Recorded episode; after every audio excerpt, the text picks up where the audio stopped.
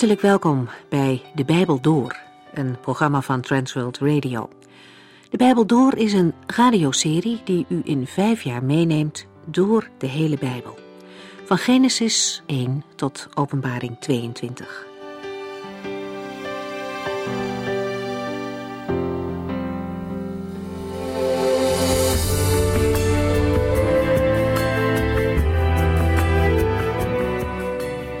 We zijn bezig om door het evangelie van Matthäus te gaan. We zien daarin de Heer Jezus als koning, die niet geloofd en niet geaccepteerd wordt. De tegenstand is groot en zijn weg leidt uiteindelijk naar de dood aan een kruis. Onderweg zijn er echter ook mensen die wel in hem geloven en meegaan op die moeilijke weg. Op een dag zijn de discipelen het brood vergeten. Dat is u misschien ook wel eens overkomen. En toch is die hele gewone gebeurtenis voor de Heer een aanleiding om iets belangrijks te vertellen. Het dagelijks leven zit vol met gewone gebeurtenissen waar we geestelijke lessen uit kunnen leren. In dit geval vergelijkt de Heer het gist, ook wel zuurdeeg genoemd, met de leer van de Fariseërs en Sadduceeën. De discipelen moeten oppassen voor de verkeerde leer van deze groeperingen. Het is nodig om wat mensen zeggen steeds aan de Bijbel te toetsen, want daarin staat wat God zegt. Verkeerde leer is net als zuurdeeg, het trekt langzaam door. En daarom waarschuwt de Heer Jezus de discipelen om afstand te nemen van de verkeerde theorieën van deze mensen. De misleidende leer zou de discipelen alleen maar van Jezus afbrengen. Uit het vervolg blijkt echter waar de discipelen staan. De Heer Jezus stelt hen een vraag, die tot op de dag van vandaag doorklinkt. Wie is Jezus volgens u? En de mensen zeggen dan verschillende dingen. Hij wordt als een goed en hoogstaand mens omschreven, hij wordt zelfs een profeet genoemd. Maar dat is niet wie Jezus in wezen is. Petrus spreekt krachtige woorden. Je zou het een geloofsbeleidenis kunnen noemen. Hij zegt, u bent de Christus, de Zoon van de levende God. En Petrus erkent dus wie de Heer Jezus werkelijk is. Die geloofsovertuiging, dat is de basis van christenen. De Heer Jezus vertelt zijn discipelen over de gemeente die hij zal bouwen. Dat zijn de gelovigen uit alle tijden en van over de hele wereld. Zij die bij Christus willen horen, vormen zijn gemeente. Maar voordat de gemeente gesticht kon worden, moest de Heer Jezus eerst sterven en opstaan. Vanaf dit gedeelte in hoofdstuk 16 begint hij de discipelen daarop voor te bereiden.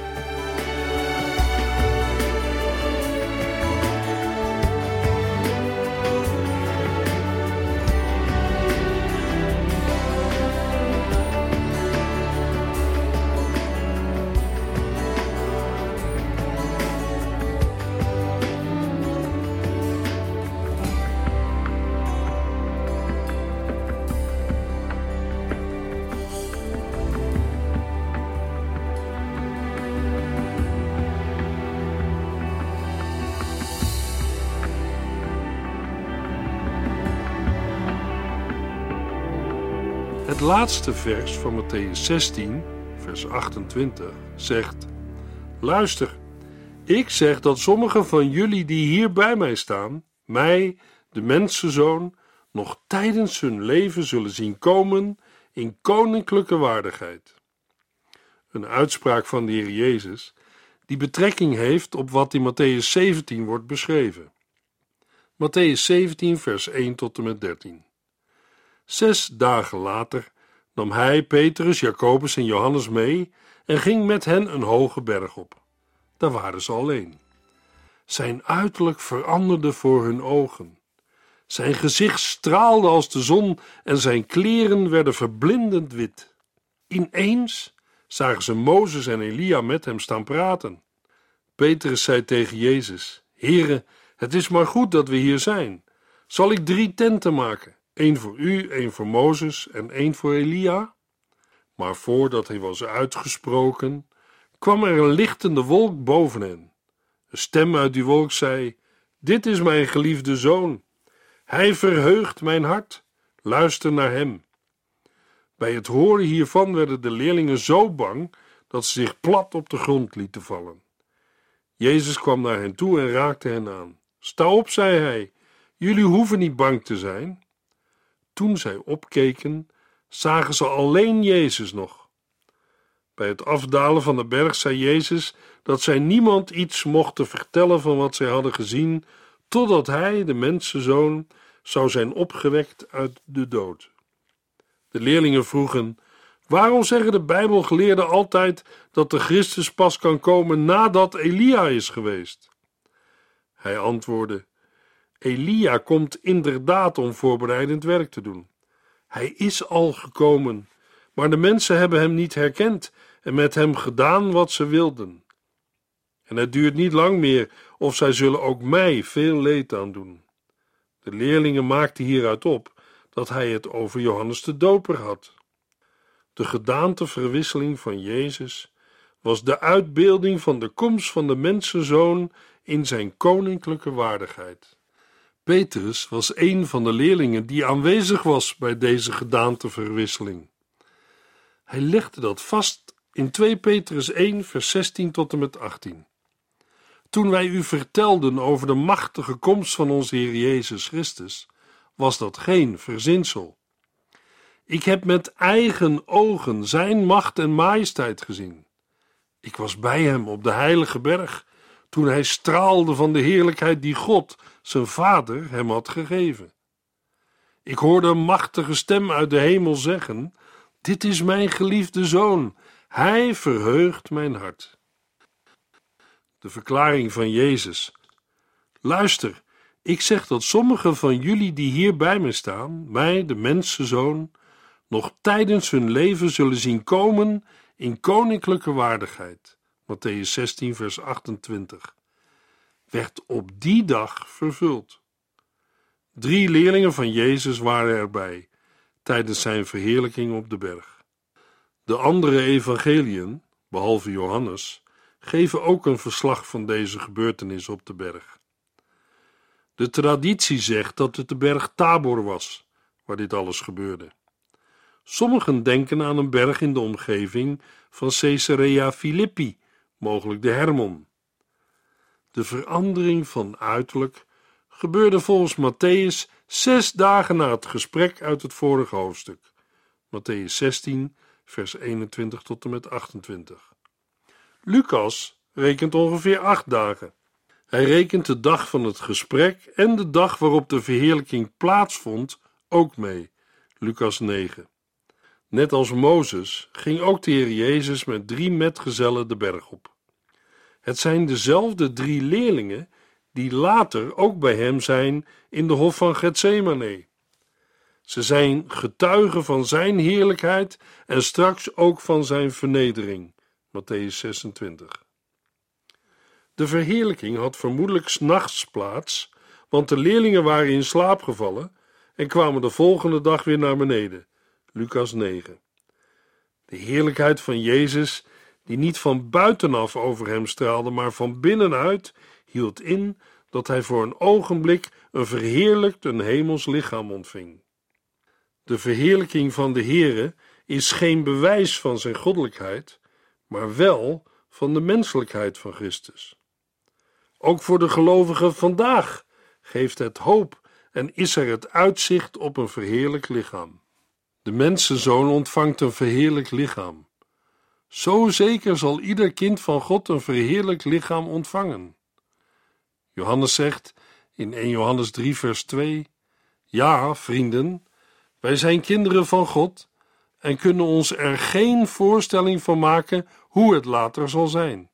Maar wij weten één ding: als Christus komt, zullen wij zijn zoals Hij, omdat wij Hem dan zien zoals Hij werkelijk is.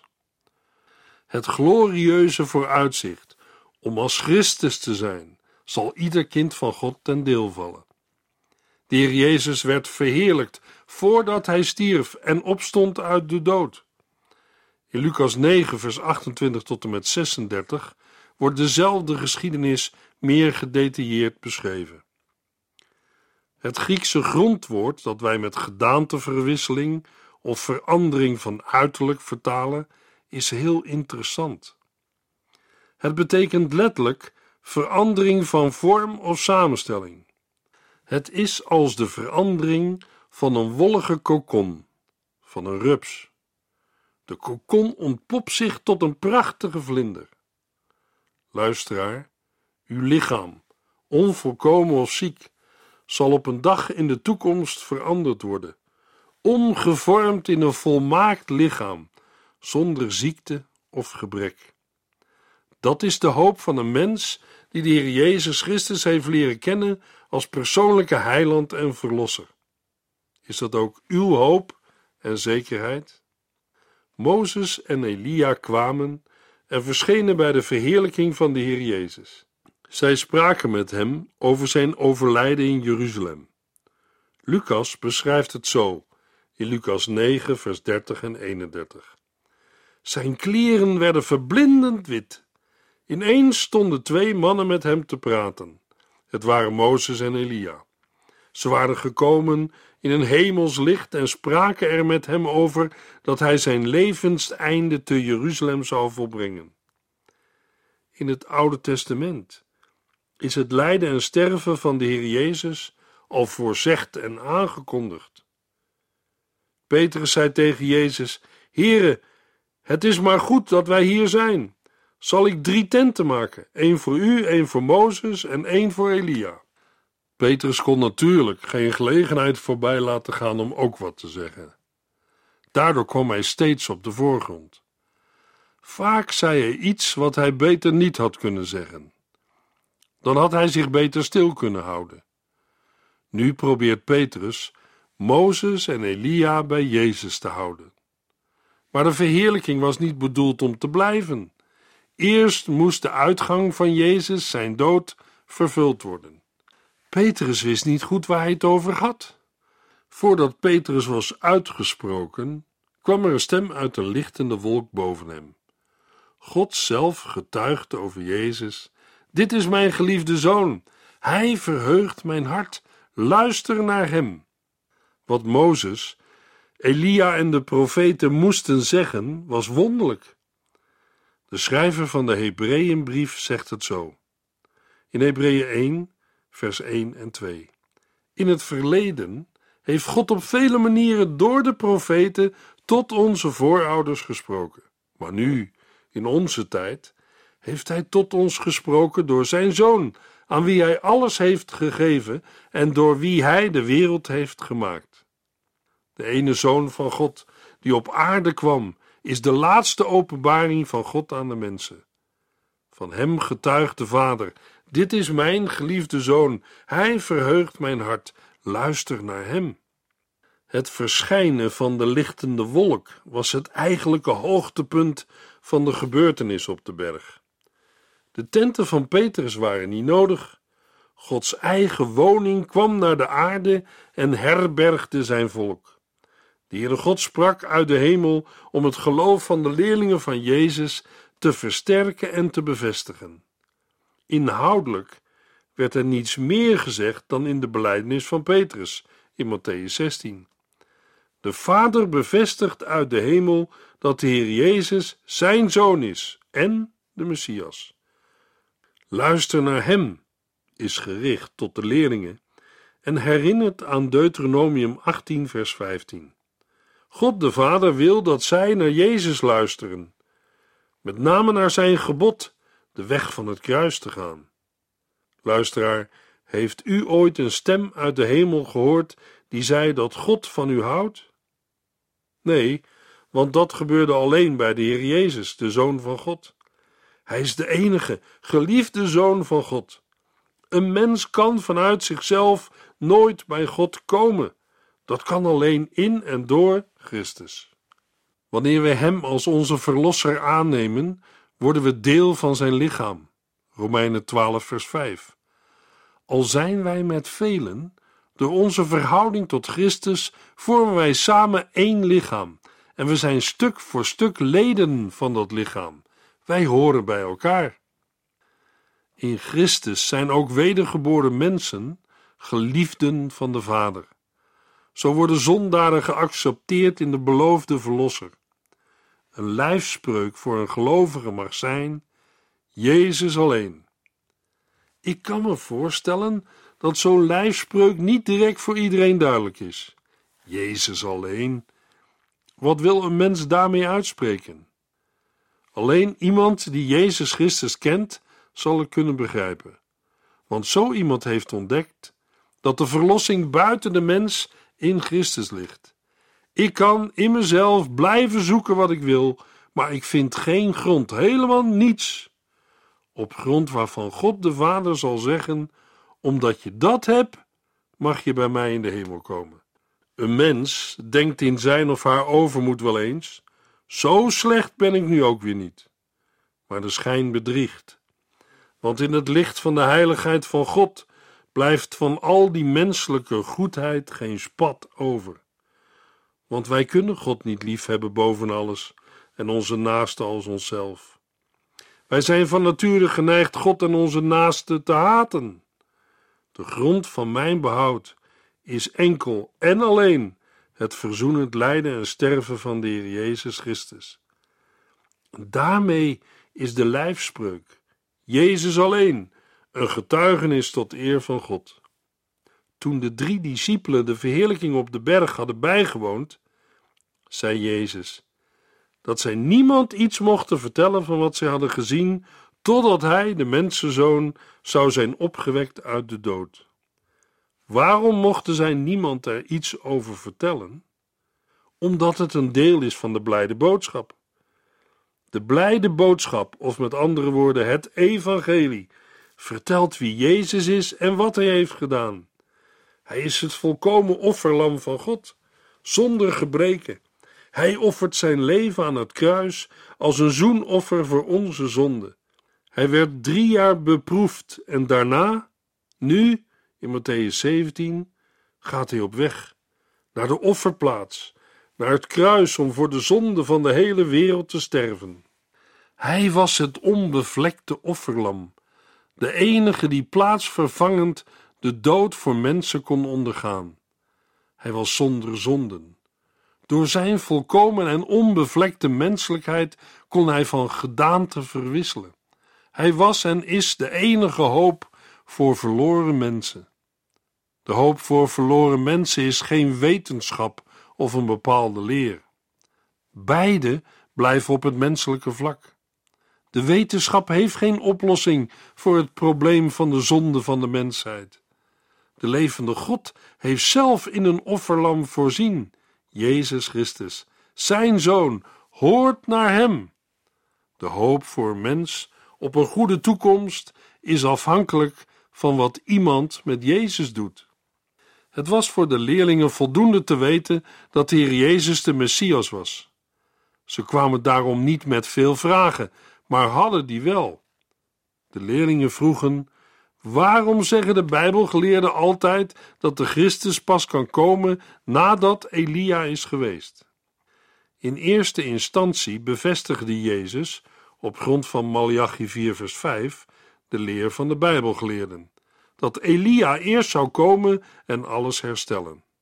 Jezus antwoordde: Elia komt inderdaad om voorbereidend werk te doen. Hij is al gekomen, maar de mensen hebben hem niet herkend en met hem gedaan wat ze wilden. En het duurt niet lang meer of zij zullen ook mij veel leed aandoen. De leerlingen maakten hieruit op dat hij het over Johannes de Doper had. Het herstel dat Elia zou brengen, zou geestelijk en zedelijk zijn, niet politiek. Het zou een herstel zijn van wederzijdse relaties. Malachi 4 vers 6. Dat gebeurt alleen door bekering en vergeving. Lucas 1 en Matthäus 3. Maar direct aansluitend zegt de Heere dat deze profetie vervuld was in Johannes de Doper. Johannes kwam in de geest en de kracht van Elia als profeet.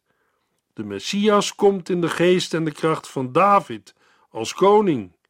Johannes de Doper was de Elia die volgens de profetie de voorbode van de Heere zou zijn. Malachi 3.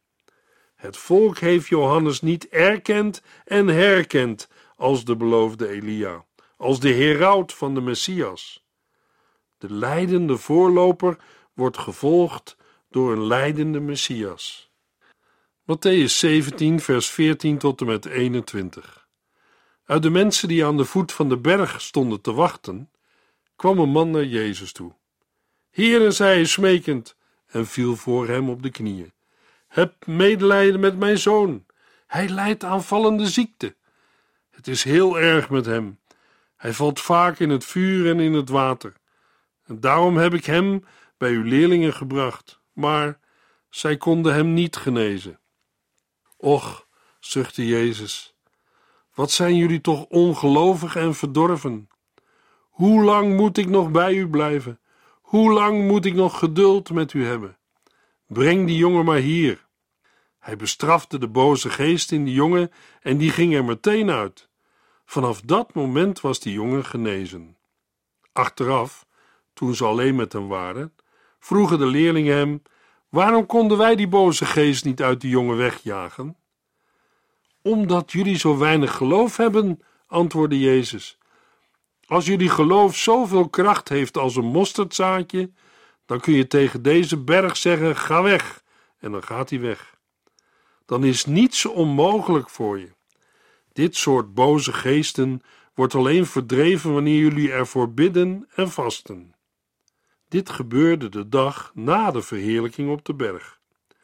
De achtergebleven leerlingen hadden een zieke jongen niet kunnen genezen. Ze moesten het geheim van zijn gezag nog leren. De jongen leed aan een vallende ziekte. Letterlijk vertaald, hij is maanziek en was er slecht aan toe. De ziekteverschijnselen waren het gevolg van een demonische bezetting. De boze geest probeerde de jongen te doden door hem in het vuur of in het water te werpen. De vader van de jongen beroept zich op de barmhartigheid en goedheid van de Heere. Dit is waarschijnlijk het ergste voorval dat onder de aandacht van de Heer Jezus werd gebracht. Het is ook pijnlijk voor de leerlingen, omdat de vader zegt: Ik heb hem bij uw leerlingen gebracht, maar zij konden hem niet genezen. Het is waarschijnlijk ook een beeld van de huidige kerk in de wereld. Een wereld die bezeten is van de duivel en steeds gekker wordt. Waarom zijn de leerlingen zo onvermogend? En de kerk van vandaag? Jezus had hen toch gezag over onreine geesten gegeven. Matthäus 10. Zijn leerlingen hadden dat ook in de praktijk gebracht. Lucas 9. Maar nu konden ze deze jongen niet genezen. De macht die ze eens hadden ontvangen, kon dus verloren gaan. Ze had onderhouden moeten worden door geloof en gebed. Wie een gave niet onderhoudt, wordt berispt. Gebruik die bijzondere gave die God je door zijn profetisch woord heeft gegeven. Toen de leiders van de gemeente jou de handen oplegden, doe iets met die gave. Zet je voor taken in, zodat iedereen je vooruitgang zal opmerken. 1 Timotheus 4, vers 14 en 15. De vader van de bezeten jongen zei tegen Jezus dat zijn discipelen zijn zoon niet konden genezen. Het antwoord van de Heer is ontdekkend. Och, zuchtte Jezus, wat zijn jullie toch ongelovig en verdorven? Hoe lang moet ik nog bij u blijven? Hoe lang moet ik nog geduld met u hebben? Breng die jongen maar hier. Ik denk dat de Heer Jezus vandaag over kerken en gemeenten hetzelfde moet zeggen. Confronterend, ja, dat is zo. Maar ook hoopvol, breng die jongen maar hier. Laten we dat vandaag maar blijven doen. Onze zieken en gebondenen bij hem brengen. Deze geschiedenis is waarschijnlijk de ergste vorm van duivelse bezetenheid waarmee de Heer op aarde is geconfronteerd. Matthäus 17, vers 22 en 23. In de tijd dat zij door Galilea trokken, zei Jezus: Het is bijna zover dat ik, de mensenzoon, in de handen van de mensen zal vallen. Ze zullen mij doden, maar op de derde dag zal ik weer levend worden. Deze woorden maakten de leerlingen erg verdrietig. Voor de tweede keer verkondigt de Heer Jezus aan zijn leerlingen zijn dood en opstanding. Matthäus 17, vers 24 tot en met 27. In Capernaum kwamen de ontvangers van de tempelbelasting naar Petrus toe en vroegen: Betaalt uw meester wel belasting? Natuurlijk, antwoordde Petrus. Maar toen Petrus thuis kwam, was Jezus hem voor met de vraag: Petrus, van wie eisen de heersers op aarde tol of belasting? Van hun eigen burgers of van volken die ze hebben onderworpen? Van volken die ze hebben onderworpen, antwoordde Petrus. De burgers zijn dus vrijgesteld, zei Jezus. Maar wij zullen die belastingontvangers niet kwaad maken. Ga naar het meer en gooi je lijn uit. In de bek van de eerste vis die je vangt, zul je een geldstuk vinden. Dat is genoeg om de tempelbelasting te betalen, voor jou en voor mij. De tempelbelasting werd jaarlijks ingezameld voor het onderhoud van de tempel. Petrus gaat naar de Heer Jezus om erover te spreken. Jezus weet wat hij gaat vragen en is hem voor. Hij zegt dat vreemdelingen de belasting moeten betalen en dat de eigen burgers daarvan zijn vrijgesteld. Jezus tracht Petrus aan te tonen dat de koninklijke familie eveneens is vrijgesteld van de belasting. Jezus zegt dat hij als de zoon van God niet verplicht is om voor het onderhoud van Gods huis te betalen. Om dat te bewijzen, verricht hij het wonder van het geldstuk in de bek van de vis, gevangen door Petrus. Alle schepsels zijn aan hem gehoorzaam. De vis en ook Petrus gehoorzamen aan het bevel van Jezus. De meest eenvoudige en letterlijke uitleg van dit gedeelte is dat Matthäus spreekt over een wonderlijke gebeurtenis. Ook al vertelt hij niet dat Petrus deed wat Jezus zei, alleen hij die alles weet, kon op de hoogte zijn van deze vis. En alleen hij die alle macht heeft, kon het zo regelen dat de vis beet in de haak van Petrus. De heiland toont zijn alwetendheid en almacht, hetgeen bewijst dat hij zijn belastingplicht niet als een slaaf van de wet vervulde, maar als zoon van God die boven de wet en de tempel staat. In de volgende uitzending gaan we lezen in Matthäus 18.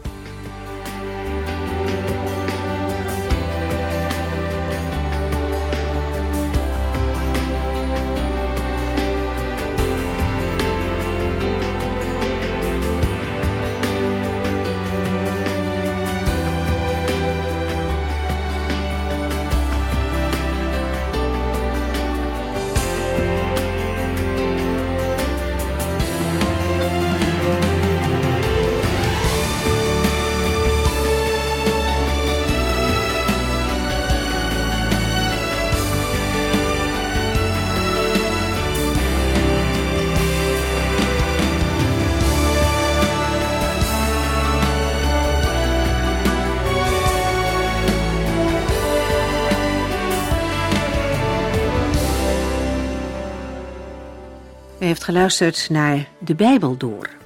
In het Nederlands vertaald en bewerkt door Transworld Radio. Een programma waarin we in vijf jaar tijd de hele Bijbel doorgaan. Als u wilt reageren op deze uitzending of u heeft vragen, dan kunt u contact met ons opnemen. Tijdens kantooruren kunt u bellen op 0342 47 8432. 0342 47 8432. 32. Ook kunt u een e-mail sturen naar de Bijbel door transworldradio.nl en natuurlijk kunt u ook via de post ons bereiken. TWR, postbus 371, postcode 3770, AJ in Barneveld. Dit programma werd gepresenteerd door Cor Weda en Ike André. Techniek was in handen van Odin van Woerdekom. En wij allemaal bedanken u voor het luisteren. Graag tot de volgende keer.